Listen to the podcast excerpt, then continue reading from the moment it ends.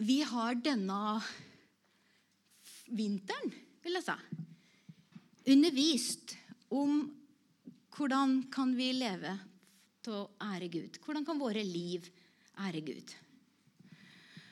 Og da skjønner vi jo at vi er på jorda, ikke sant? Det er her det snakker om å ære Gud. Så det som skjer i det åndelige, det sant? Vi, vi, vi, er, vi skal ære Gud på jorda der vi er satt. Og når det handler om å ære Gud, så har det ikke med vår frelse å gjøre. Sant? Om vi lykkes eller ikke lykkes i så måte, så er frelsen den er helt bankers. For den har Jesus fiksa, og den er ikke råd å rote til uten store anstrengelser fra vår side. Du skal anstrenge deg veldig for å komme ut av frelsen.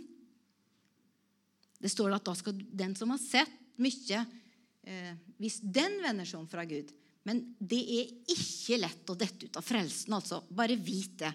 Inni oss så er, bor Guds ånd, og det er den som det, Vår ånd har blitt ny. Gud har flytta inn, slik at vår ånd er ny.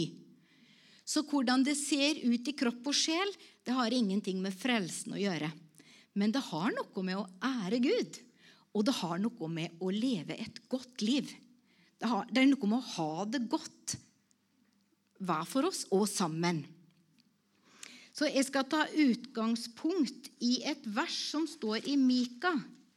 Og Mika han eh, tar jo opp denne tematikken som vi i grunnen er veldig opptatt av. Hva kan jeg gjøre for Gud? Og da spør, skriver profeten sånn at han uttrykker seg nok på vegne av folket, for de sier, men hva med hva skal jeg komme fram for Herren når jeg bøyer meg for den høyeste Gud? Med, med hva skal jeg komme fram? Og så spør han vil Herren ha behag i tusenvis av ærer. 10 000 oljebekker. Skal jeg gi min førstefødte for min overtredelse, gi frukten fra mitt liv for min sjels synd? Med hva skal jeg komme fram? Men der innleda vi med å si at for vår synd så er det ingenting vi kan komme fram med. Men da svarer profeten, han har kunngjort deg, du menneske hva som er godt. Hva søker Herren hos deg, annet enn å gjøre rett, elske barmhjertighet og vandre ydmykt med din Gud? Jeg kan godt ha gjester på plattforma. Det går helt fint for meg. Altså gjøre rett, elske barmhjertighet og vandre ydmykt med din Gud. Så jeg tenkte vi skulle se litt på de tre begrepene. De står på, på, eh, oppe på skjermen her på engelsk. Og, og på engelsk så, så, står det 'do justice'. Er dere enige at det gir et litt annet innhold enn å gjøre rett? Altså Det går på do justice. Det går i den forstand å utøve rettferdighet. Det handler ikke om å gjøre alt rett. Skjønner du? Det er ikke sånn svart-hvitt, rett og galt, men det handler om å gjøre rett. Og um, Vi skal lese noen vers om det. Og det å gjøre rett. Vi vet at den, den, korte, lange historien er jo at vi er skapt av Gud, satt på jorda til å forvalte det Gud har skapt. Ikke alene, men i samarbeid med Han. Så det er vårt, vårt hovedoppdrag. Det er å være her på jorda, forvalte det i samarbeid med Han. Og så vet vi at Adam og Eva begynte jo på den jobben veldig bra. Men så kom det inn en annen coach. Og han hørte dem på. Tenkte det kan jo være fint å høre på noen andre. Og det er ikke sikkert det Gud sa bestandig er riktig. Sånn? Kanskje det Gud sa, ikke var sånn. Så de hørte litt på den nye coachen. Og det bar seg jo riktig så galt av sted. Det veit vi. Sånn? Ondskapen økte. Og det det endte opp med, var at til slutt så var det 70 sjeler igjen av israelsfolket som satt som slaver i Egypt. Og der var de i 430 år i slaveri. Men på dagen 430 år etter så førte Gud dem ut ved hjelp av sin tjener Moses. Og det var jo den mest spektakulære utvandring eller evakuering som har funnet sted. Det var 600 000 menn pluss kvinner og barn, pluss en mengde folk som bare ville være med når jødene for fra Egypt. Og når de kom ut av Egypt og kom over på andre siden, så satte Gud seg ned sammen med Moses. Dvs. Si Moses kom opp på fjellet til Gud, og så snakka de gjennom en mange ting. Sånn bør det se ut hos dere.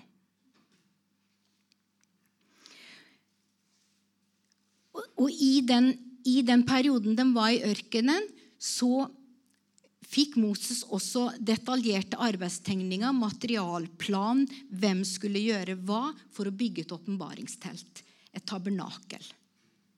Spesifikt. Og i det tabernakelet, der møtte Gud folket. Vi skal lese litt fra vi skal lese litt fra 2. Mosebok 20. Det er når Gud gir loven. De ti bud. Og jeg tror vi bare leser dem, for det er ikke så ofte du hører dem. Bare som en sånn grunntanke når Gud sa at 'jeg har sagt deg hva godhet er', 'jeg har sagt hva jeg forventer av deg', så er noe av det her fundamentet for et godt samfunn. Her har Gud definert på en måte godhet. Vi vet at Etter loven så sånn at hvis du gjør det her, så skal du ha det godt. Det var ikke det for å, vi holder ikke loven for å glede Gud, men vi holder loven fordi vi har, da får vi det godt. Du kan si at det er sånn, egentlig litt egoistisk. da, å holde loven. Å være litt konservativ det er egentlig ganske egoistisk, for du får det godt. skjønner du? Og folket rundt oss får det godt. Samfunnet får det godt. Så vi kan jo snu litt på det og si det at å, være, å følge det, Guds forordninger det er litt sånn hmm, Det beste for meg. Jeg går for det. Det er jo egentlig det vi vil. Det beste for oss og for samfunnet vårt. Litt uvanlig måte å si det på, kanskje, men ok, la oss eh, lese hva Gud talte. Jeg er Herren din Gud, som førte deg ut fra landet Egypt, ut fra slavehuset. Du skal ikke ha andre guder enn meg. Du skal ikke lage deg noe utskåret bilde, noen etterligning av noe som er i himmelen, der oppe eller på jorden der nede, eller i vannet under jorden. Du skal ikke falle ned og tilbe dem eller tjene dem, for jeg, Herren din Gud, er en nidkjær Gud som hjemsøker fedrenes skyld på barna i tredje og fjerde slektsledd når de hater meg, og som viser miskunnhet mot tusen slektsledd når de elsker meg og holder mine bud. Du skal ikke misbruke Herren din Guds navn, for Herren vil ikke holde den uskyldig som misbruker hans navn. Husk hviledagen, så du holder den hellig. Seks dager skal du arbeide og gjøre all din gjerning, men den sjuende dagen er sabbat for Herren din Gud. På den dagen skal du ikke gjøre noe arbeid, verken du, din sønn eller din datter, din tjener eller din tjenestekvinne, din buskap eller den fremmede som bor innenfor dine porter. For på seks dager dannet Herren himmelen og jorden, havet og alt som er i den, og han hvilte på den sjuende dagen. Derfor velsignet Herren sabbatsdagen og helliget den. Du skal ære din far og din mor, så dine dager kan bli mange i det landet Herren din Gud gir deg. Du skal ikke drepe. Du skal ikke drive hor. Du skal ikke stjele. Du skal ikke avlegge falskt vitnesbyrd mot din neste. Du skal ikke begjære din nestes hus. Du skal ikke begjære din nestes kone, tjener eller tjenestekvinne, okse, esel eller noe som hører din neste til. Gud innleder med å på en måte presentere seg. Han sa at 'jeg er Herren din Gud, som førte deg ut av Egypt'. Du skal ikke ha andre guder enn meg. Og det å ligge som et syn i Israel og skulle ligge som et, ligge som et, et fokus for israelsfolket. Og det skulle føre til den effekten av at alt som skjedde i alle sfærer av israelsfolket sitt liv skulle gi ære ett sted til den levende Gud. Til den ene levende Gud. Så Gud sa, stol ikke på noen andre. Ta ikke tilflukt til noen andre. La ikke noen andre bli din kilde. Og Så kommer det etterpå der at de skal ikke lage seg gudebilder. og sånn, og der jeg tenkt på, Har Gud laga bilde av seg sjøl? Har Gud satt på jorda noe som er hans bilde? Er det et snevert bilde? Alle mennesker på jorden er et bilde av Gud. Fordi alle mennesker på jorden er skapt i Guds bilde. Det er et voldsomt mangfold. Og fortsatt, om vi tok alle sammen, så uttrykker vi ikke herlig Gud. Men Gud har satt sitt bilde på jorden. Og jeg tror når Gud sa at vi skal ikke gjøre oss noe, utskåret bilde eller henge opp sånn, så er det fordi det blir så snevert. Det blir så begrensa. Hvis vi lager at sånn ser han ut. Nei, han ser ikke sånn ut. Vi må lære oss å se rundt oss for å, kjenne, for å, for å se hvem Gud er. på en måte. Og da er ikke alle mennesker på jorden som reflekterer Guds gjerning. Men i det å være menneske så er det bare én som skal ha ære av det. Det er Gud. For det er han som har skapt oss. Han har satt oss her. Så vi er et bilde av Gud på jorda.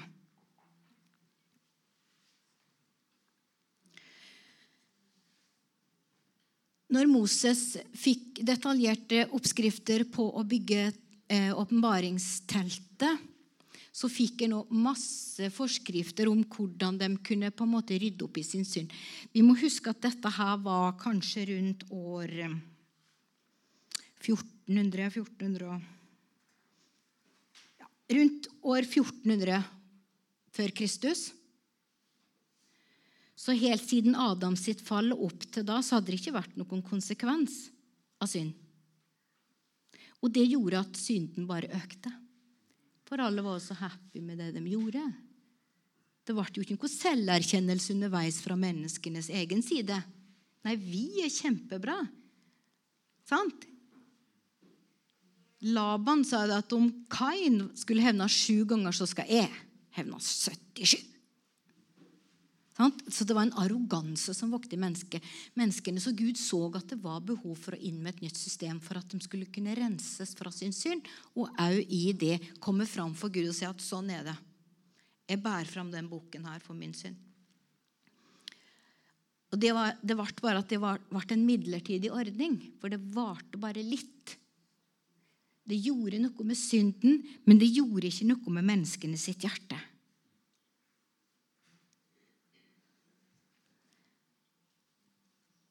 Så Gud så at det må skje noe med menneskenes hjerte, skal de reflektere med godt på jorda. Og profeten Esekiel han var profet under tida i Babylon. Han skriver i kapittel 11, Esekiel 11, den kan vi slå opp. Der, vet du. Esekiel 11, vers 19. Der profeterer Esekel om at 'jeg skal gi dem et nytt hjerte'. og jeg skal gi dem en ny ånd i deres indre. Jeg skal ta steinhjertet ut fra kroppen deres og gi dem et kjøtthjerte i stedet. Og det vet vi at det gjør Når vi tar imot Jesus, så vet vi at det gjør at vi blir frelst. Gud tar ut kjøtt, steinhjerte og gir oss et kjøtthjerte. Det er at vi blir frelst. Og så har det en hensikt nummer to. For at de kan vandre på jorden, holde mine dommer og gjøre etter dem. De skal være mitt folk, og jeg skal være deres Gud.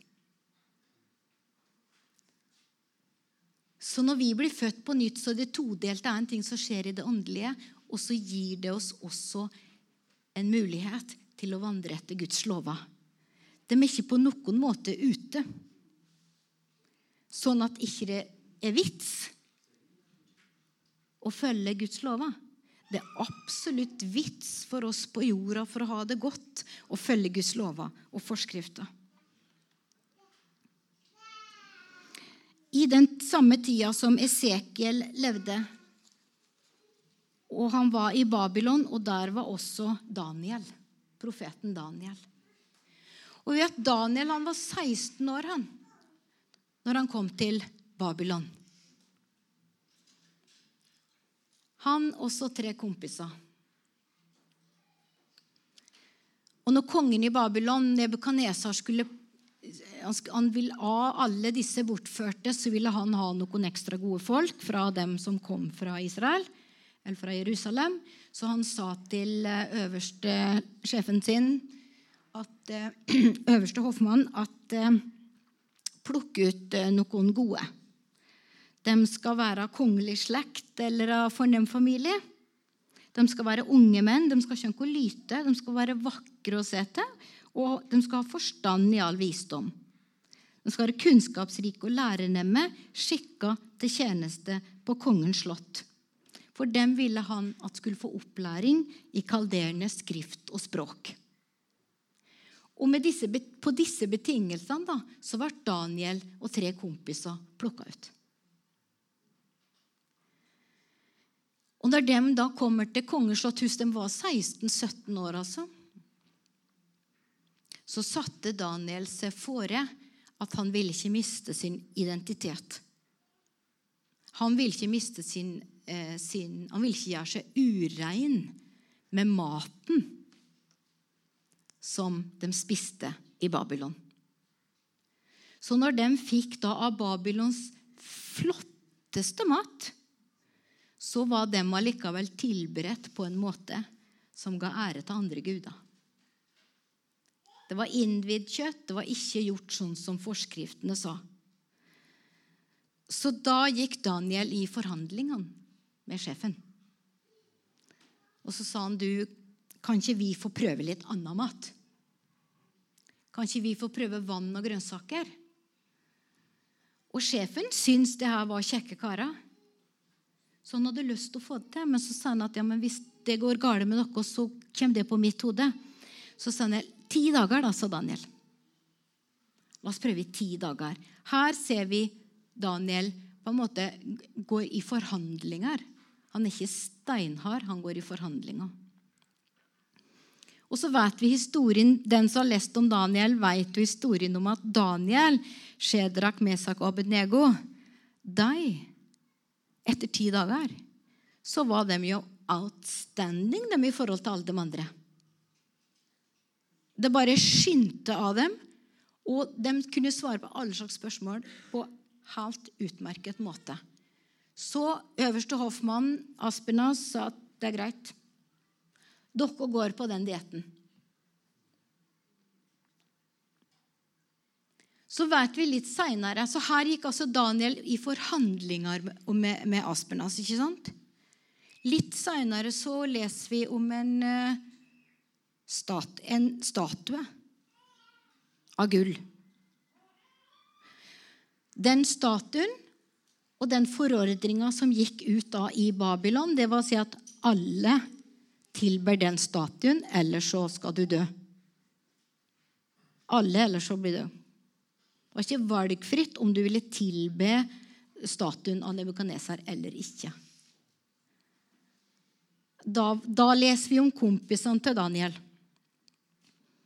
De var kompromissløse på det standpunktet. Og hva hadde de lært? Du skal ikke ha andre guder enn meg. Da sa de at 'koste med livet'. Det gjør vi ikke.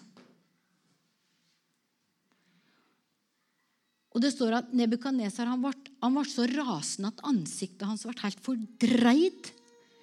At det går an. Rett i ildovnen. Og han fyrer han opp så høyt at dem som kasta Daniel, nei, disse tre kompisene inn i ildovnen, dem døde på utsida. Så varmt var det. Men vet du, med de tre guttene så var det ikke engang lukt av røyk av klærne. Og så var det fire menn der inne, en som ligna på en gudesønn.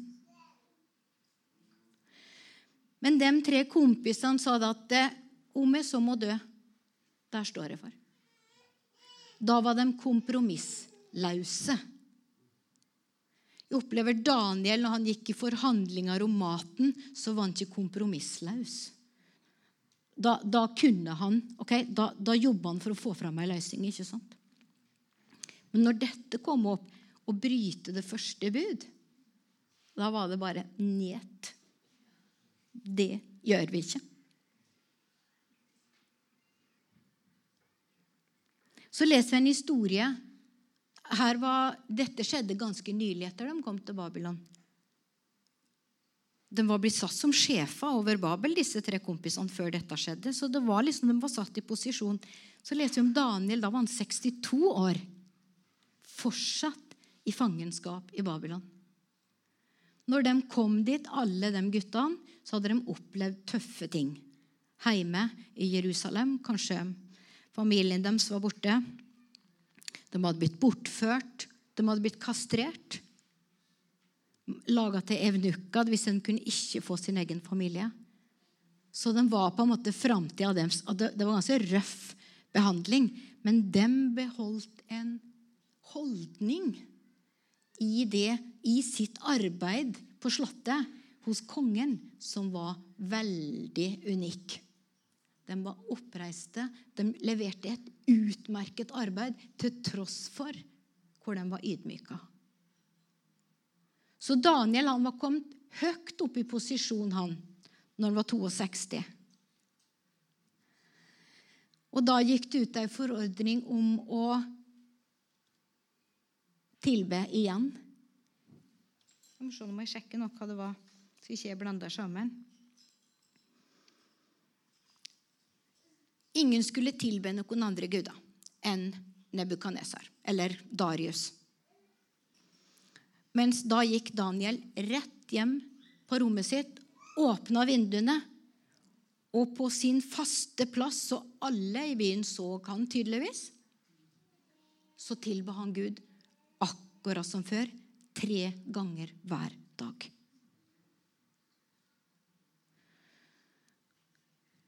Og Da ser vi en konge i det landet som sliter. Darius han var begeistra for Daniel. Men Dan Darius hadde gjennom litt dårlige rådgivere stempla navnet sitt på denne forordninga. Så han kunne ikke gå tilbake på det han hadde sagt. Så han sa at ok de, Hele natta står det at da, Darius lå og vrei og lurte på hvordan kan jeg få Daniel ut av denne knippa. Jeg vil jo ikke gå glipp av han. Han er, han er min beste mann. Men ok, og da ber Darius for Daniel, og så sa han, må din Gud, som du tilber så ofte hele tida, må han berge deg. Og så blir Daniel kasta i løvehula. Og vi hører om en konge som går hvileløst att og fram og lurer på hvor går det her, hvor går det her, hvor går det her. Kanskje han var i bønn hele natta, han får Daniel. Og hva skjer? Jo, Daniel blir berga. Alle andre blir ydmyka. Alle andre som kom med dette lure forslaget om at det skulle bare tilbe én, og det var kongen. de ble ydmyka. Så av og til har jeg tenkt at på hvilket tidspunkt skal vi framstå som dum? I eventyret om keiserens nye klær så, ville, så var keiseren naken. Sant? Det var et faktum. Men ingen ville være dum. Så derfor lot de som at det de som ble sagt, var sannere enn det de så. For de ville ikke være dum. Og så var det et barn da, som sa at ja, men Hallo, han er naken. Og hvem ble dum da? Når sannheten kom fram? Jo, alle sammen, bortsett fra det barnet. Så på hvilket tidspunkt vil du være dum? Vil du være dum når du er litt aleine om å se ting? Eller vil du være dum når det går opp for alle? At 'oi, det var dumt'. Her var vi alle dumme. Skjønner dere spørsmålet mitt? På hvilket tidspunkt skal vi velge å være dum, eller på hvilket tidspunkt skal vi stå for å være litt annerledes? Det er jo lurt å stå for det, for det som er sant, både når det ser dumt ut, og, og når det er åpenbart. Det er best å liksom bare holde seg til det, tenker jeg da.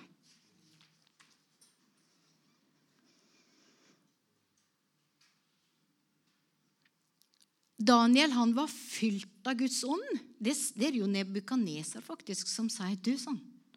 Du er fylt av Den hellige Guds ånd, du. Samtidig så hadde Daniel satt seg fore i sitt hjerte. Så han, han, Det var to, to, ting her. Det var Daniel sin ånd, men det var også Daniel sin sjel. For hvor beslutter du ting? Jo, det skjer ikke i din ånd. Eller kanskje det gjør det? Ja, la meg, la, jeg tar tilbake det. Når du beslutter ting, så uttrykker du det iallfall med din sjel og med din tenkning. Du tar et valg. Du kan se, I vår ånd vet du, så er alt på stell der. Og, og vi er så villige. Vi er så villige. Men så er vår sjel, da, som drask, vi draskes litt med. Og vår kropp den kan jo være skikkelig trøblesam innimellom. Så vidt vi får den til å bevege seg. Han? Å, det er så tregt som sirup. Men vår ånd den er alltid villig. Men det skal gjennom vår sjel og vår kropp for at det skal bli noe av det her på jorda. Og vi gleder englene også, det må dere huske på, når vi lever rett. For englene beundrer menneskene på jorda og tenker at wow, tenk å være menneske. Tenk å være menneske, du.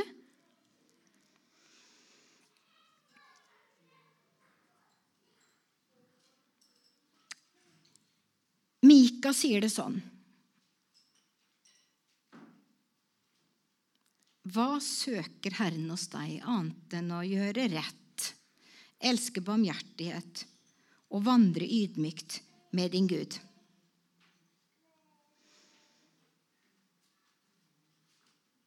Og Gjennom de historiene vi har lest, så ser vi på en måte at Gud ser etter et folk som skal speile Han. Et folk som skal ligne på Han. Folk som skal reflektere Han.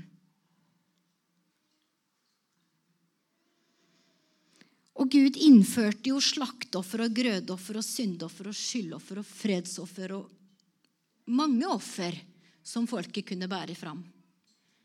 Og så leser vi da i Jesaja. Det er 800 år før Kristus.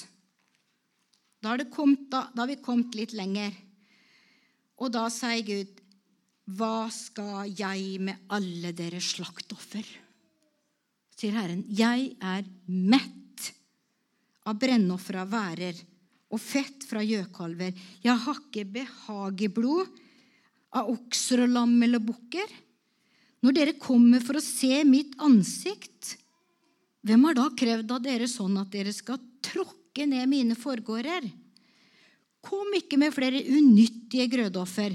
Åh, den røkelsen er en avskyelig duft for meg. Nymåne og sabbat og kalt høytidssamling.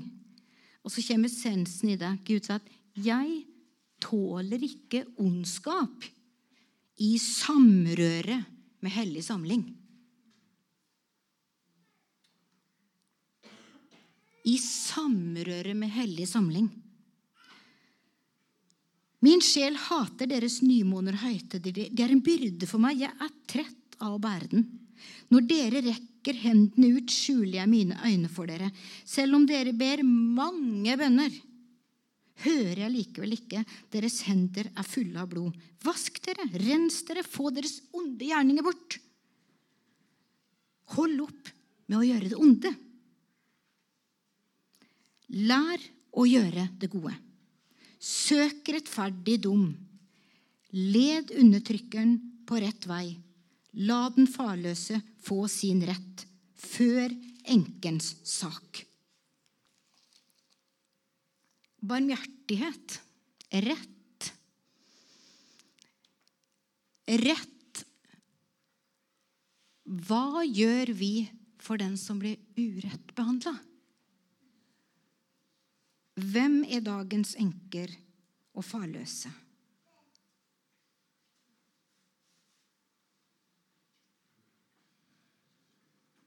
Hvem er det ingen andre kjemper for i vårt samfunn i dag?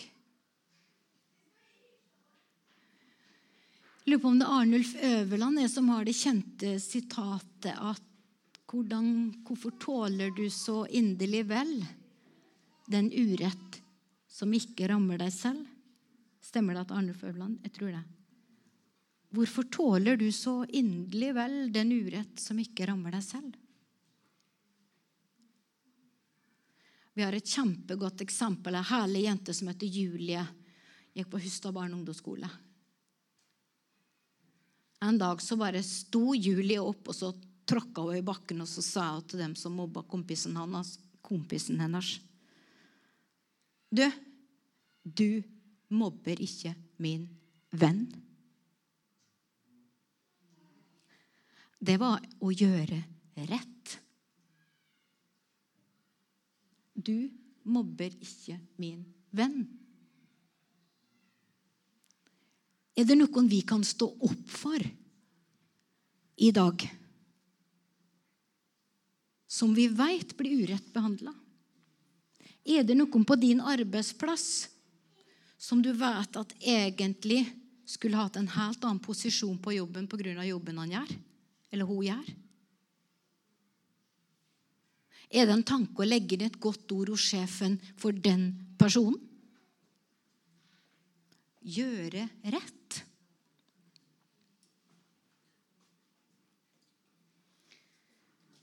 Så snakka Mika om å elske barmhjertighet.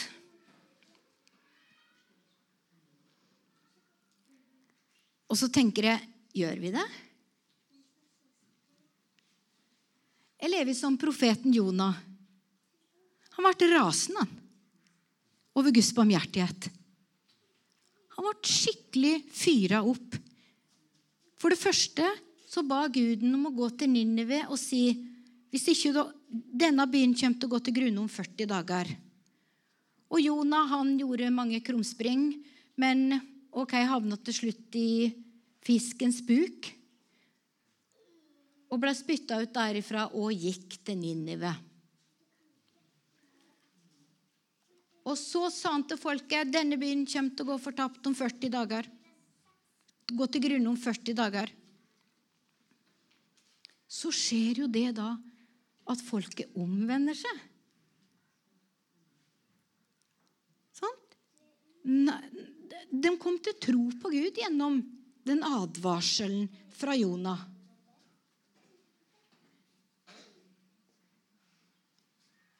Og Gud sparte byen.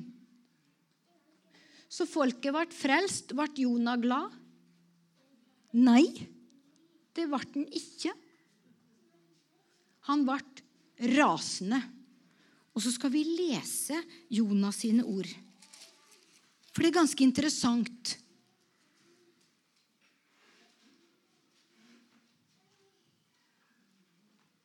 Og så står det altså at han ba til Herren, og så sa han Dette var litt av ei bønn. Å, Herre, var det ikke det jeg sa da jeg ennå var i mitt hjemland? Derfor flyktet jeg den gangen til Tarsis, for jeg vet at du er en nådig og barmhjertig Gud. Sent til vrede og rik på miskunn, en som angrer det onde. Derfor, ta mitt liv. Det er bedre for meg at du gjør det, enn at jeg lever. Han ble så sint fordi Gud hadde medykk med folket. Og da sa Herren, er det rett at sinnet blir opptent i deg? Er det rett? Er det å gjøre rett? Jonah trampa ut av byen og satte seg. Og det ble varmt. Og så tenkte Gud jeg kan prøve å hjelpe ham litt med det tungsinnet hans, så han lot ei plante vokse opp. Og den skygga. Og det står at Jonah gledet seg stort over den planta. Så Jonah var glad for det. Men i løpet av natta så døde den planta. Og Jonah ble sint igjen. Det er bedre for meg å dø enn å leve. Så stiller Gud spørsmål til Jonah enda en gang. Er det, er det rett at sinnet blir opptent i deg pga. kikajonplanten? Han sa ja, det er rett at sinnet blir opptent i meg like til døden. Men Herren sa du har medynk med kikajonplanten som du ikke har strevd med og heller ikke har fått til å vokse. Den vokste opp på én natt og ble borte på en natt. Skulle ikke jeg da ha medynk med den store byen, med Ninive, der det er mer enn tolv ganger 10 000 mennesker som ikke vet forskjell på sin høyre og venstre hånd? Og i tillegg en mengde dyr. Gud ønsker å frelse alle folk, han. Hvor er, hvor er vi? Syns vi det blir for mye av det gode fra Gud? Syns vi det? Jeg tror Hvis vi er litt ærlige, så kan vi av og til være der. at nei, men burde sannelig bare ta den der skylda di. Bare sånn sa jeg ifra at sånn kom det til å gå. Og hvis folk omvender seg, så hva skal det skape i meg? Jo, glede. Vi, den, den der pekefingergreia, den har ikke Gud. skjønner du. Han bare sier om 40 dager går den byen her til grunne, for det er så mye dumt her. Altså, Det er akkurat som Gud Han er litt følelseslaus. Skjønner du hva jeg mener? Han bare sa det sånn. 40 dager, så går det galt. Og når folk omvender seg, så angrer Gud den straffa fordi han ser at ok, det er håp for deg. Og så frelser han.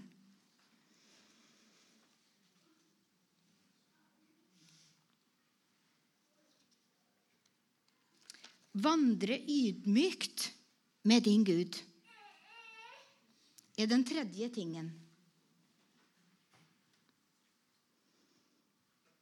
Å vandre ydmykt med din Gud, det er å leve i en bevissthet av hvem du er, og hvem Gud er.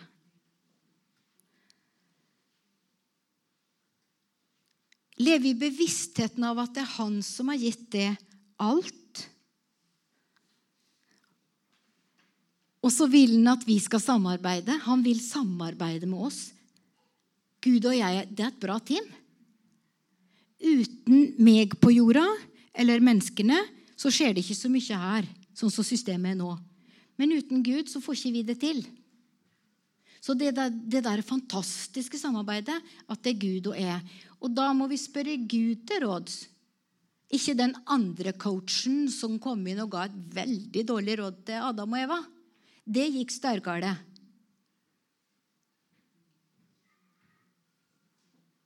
Så vandre ydmykt med din Gud. Det handler om å si at OK, Gud, du vet best. Og I Salme 40, vers 2, så står det at og, og i dine planer til det, mest, til det beste for meg, så er det ingen som kan måle seg med deg, Gud. Og når vi leser loven og slutten av loven, og det, så er det på en måte velsignelser på velsignelser på velsignelser når du følger ordet. Å leve ydmykt med din Gud, det er å erkjenne at Gud er god. Og når det er definisjonen av Gud, så er også det han sier, godt. Så når det står at du skal hedre far og mor, ja, så er det du som skal få det godt, står det, og leve lenge i landet. Når det står at du ikke skal drive hor, ja, da er det til ditt beste og til din nestes beste. Når det står at du ikke skal ta liv, så er det til ditt beste og til din nestes beste. Når det står at du skal ikke lyge eller stjele, så det er også veldig bra. Altså, Det er jo bare fornuftig alt sammen, hvis vi tenker på det. Det er ganske fornuftig. Å ta med hvite liner. Ta med hvite liner. Det er veldig dumt.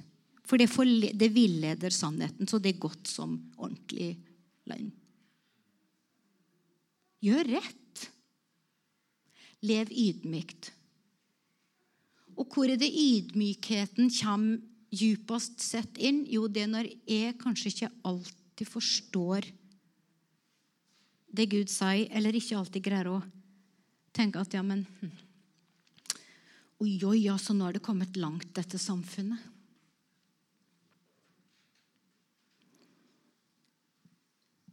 Daniel var ikke i noen ønskesituasjon. Men han sto opp når det kom til det punktet da han sa at nok er nok.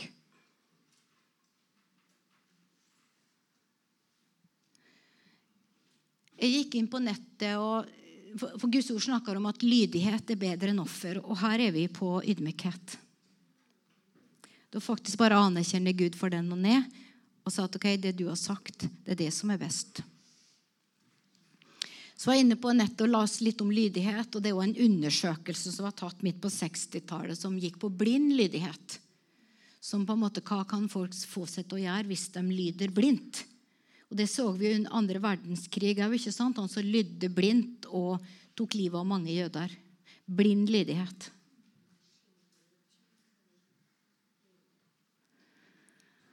Og så inne på en sånn refleksjonsgruppe innen sosialpsykologi, og så var det en som skrev der det at um,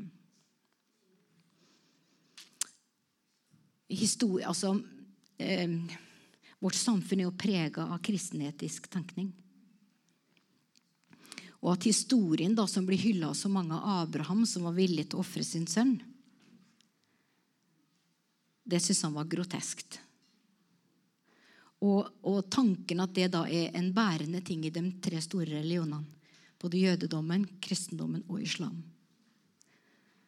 Han syntes det var forferdelig at en far dreper sin sønn. Da slo tanken med Hva mener du om abort?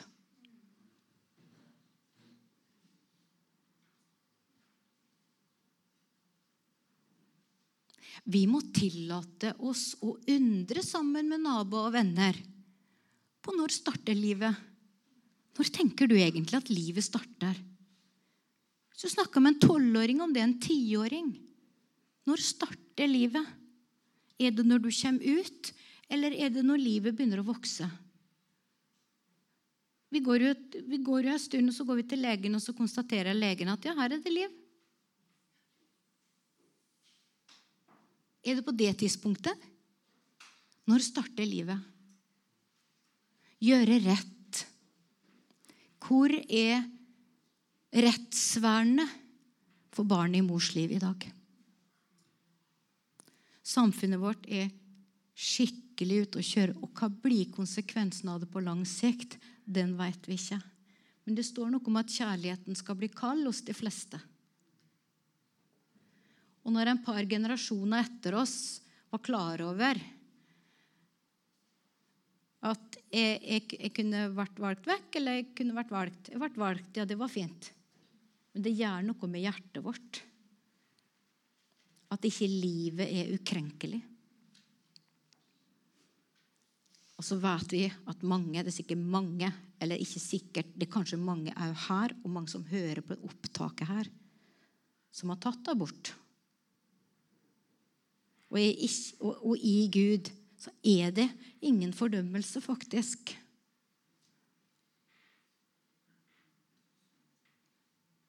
Det er ingen fordømmelse. Tenk på folk i Ninive. De omvendte seg. Og Gud var nådig. Men jeg har lyst til at vi skal utfordre oppleste sannheter. Oppleste og vedtatte sannheter litt i vårt eget liv. Litt rundt kjøkkenbordet. Hva mener vi om det egentlig? En annen stor ting i dag, det er skaperordninga.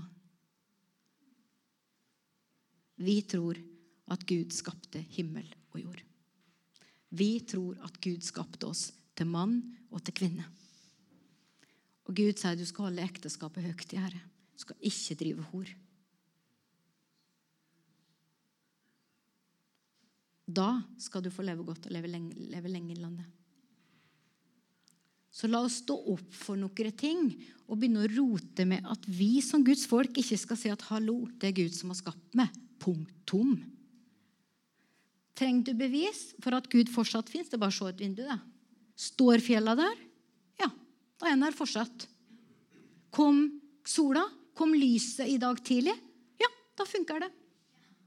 Da er han her fortsatt. Det er ingen forskjell. Men husk at vi har så håndfaste bevis for at Gud står bak alt. Og vi, vi sang i lovsangen her at du, vi, vi, er kjempetakknemlige. Skal vi se.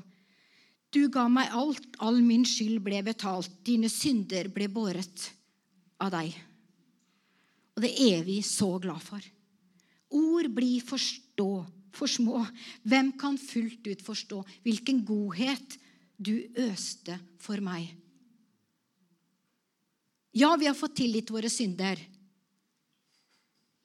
Men det er en liten bit av det hele. Vi har fått alt.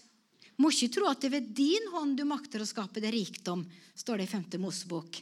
Nei, det er ved min arm jeg gir deg kraft til å leve, arbeide, skaffe deg rikdom, bygge dette samfunnet, jobbe i lag med meg.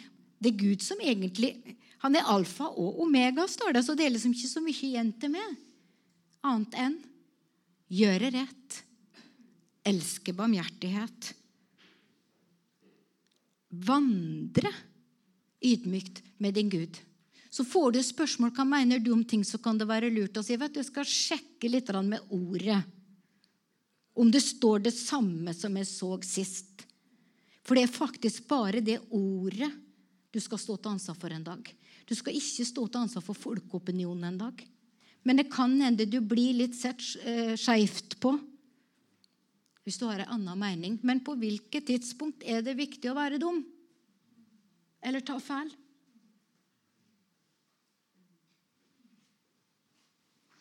I Salme 29 skal jeg avslutte med den.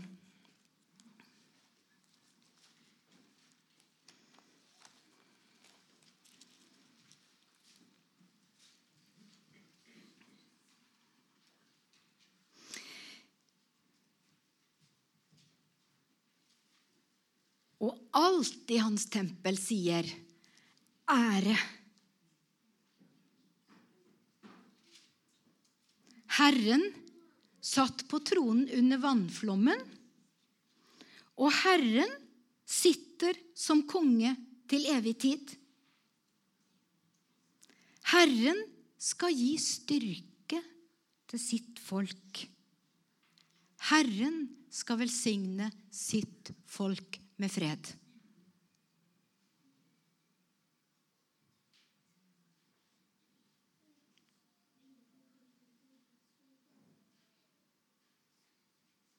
Herren skal gi styrke til sitt folk.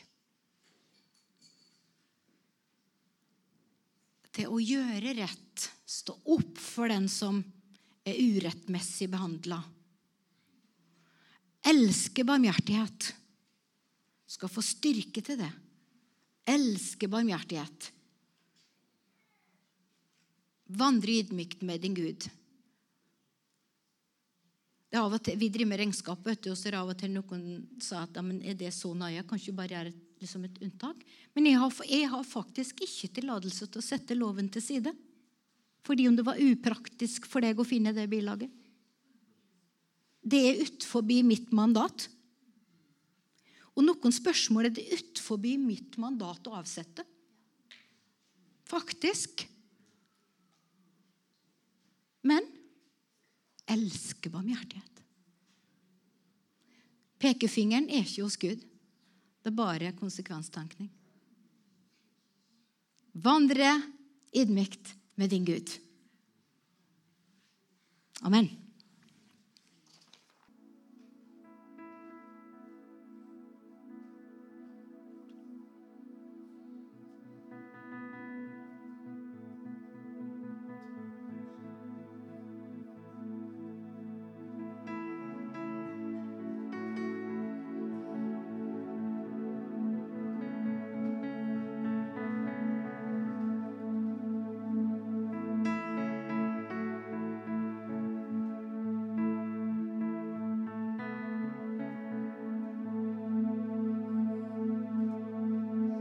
Skal vi reise oss?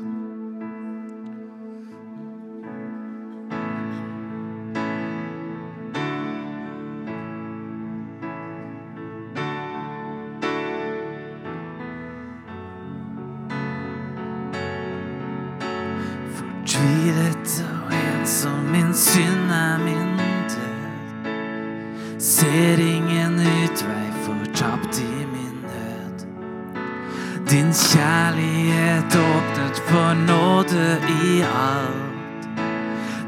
døden ble lenket, begynte mitt liv. Natt ble til dag da du kjøpte meg fri. Mitt rotløse hjerte ble podet til deg. Sorgene sovnet og gleden sto opp. Da døden ble lenket, begynte mitt Gud i nåde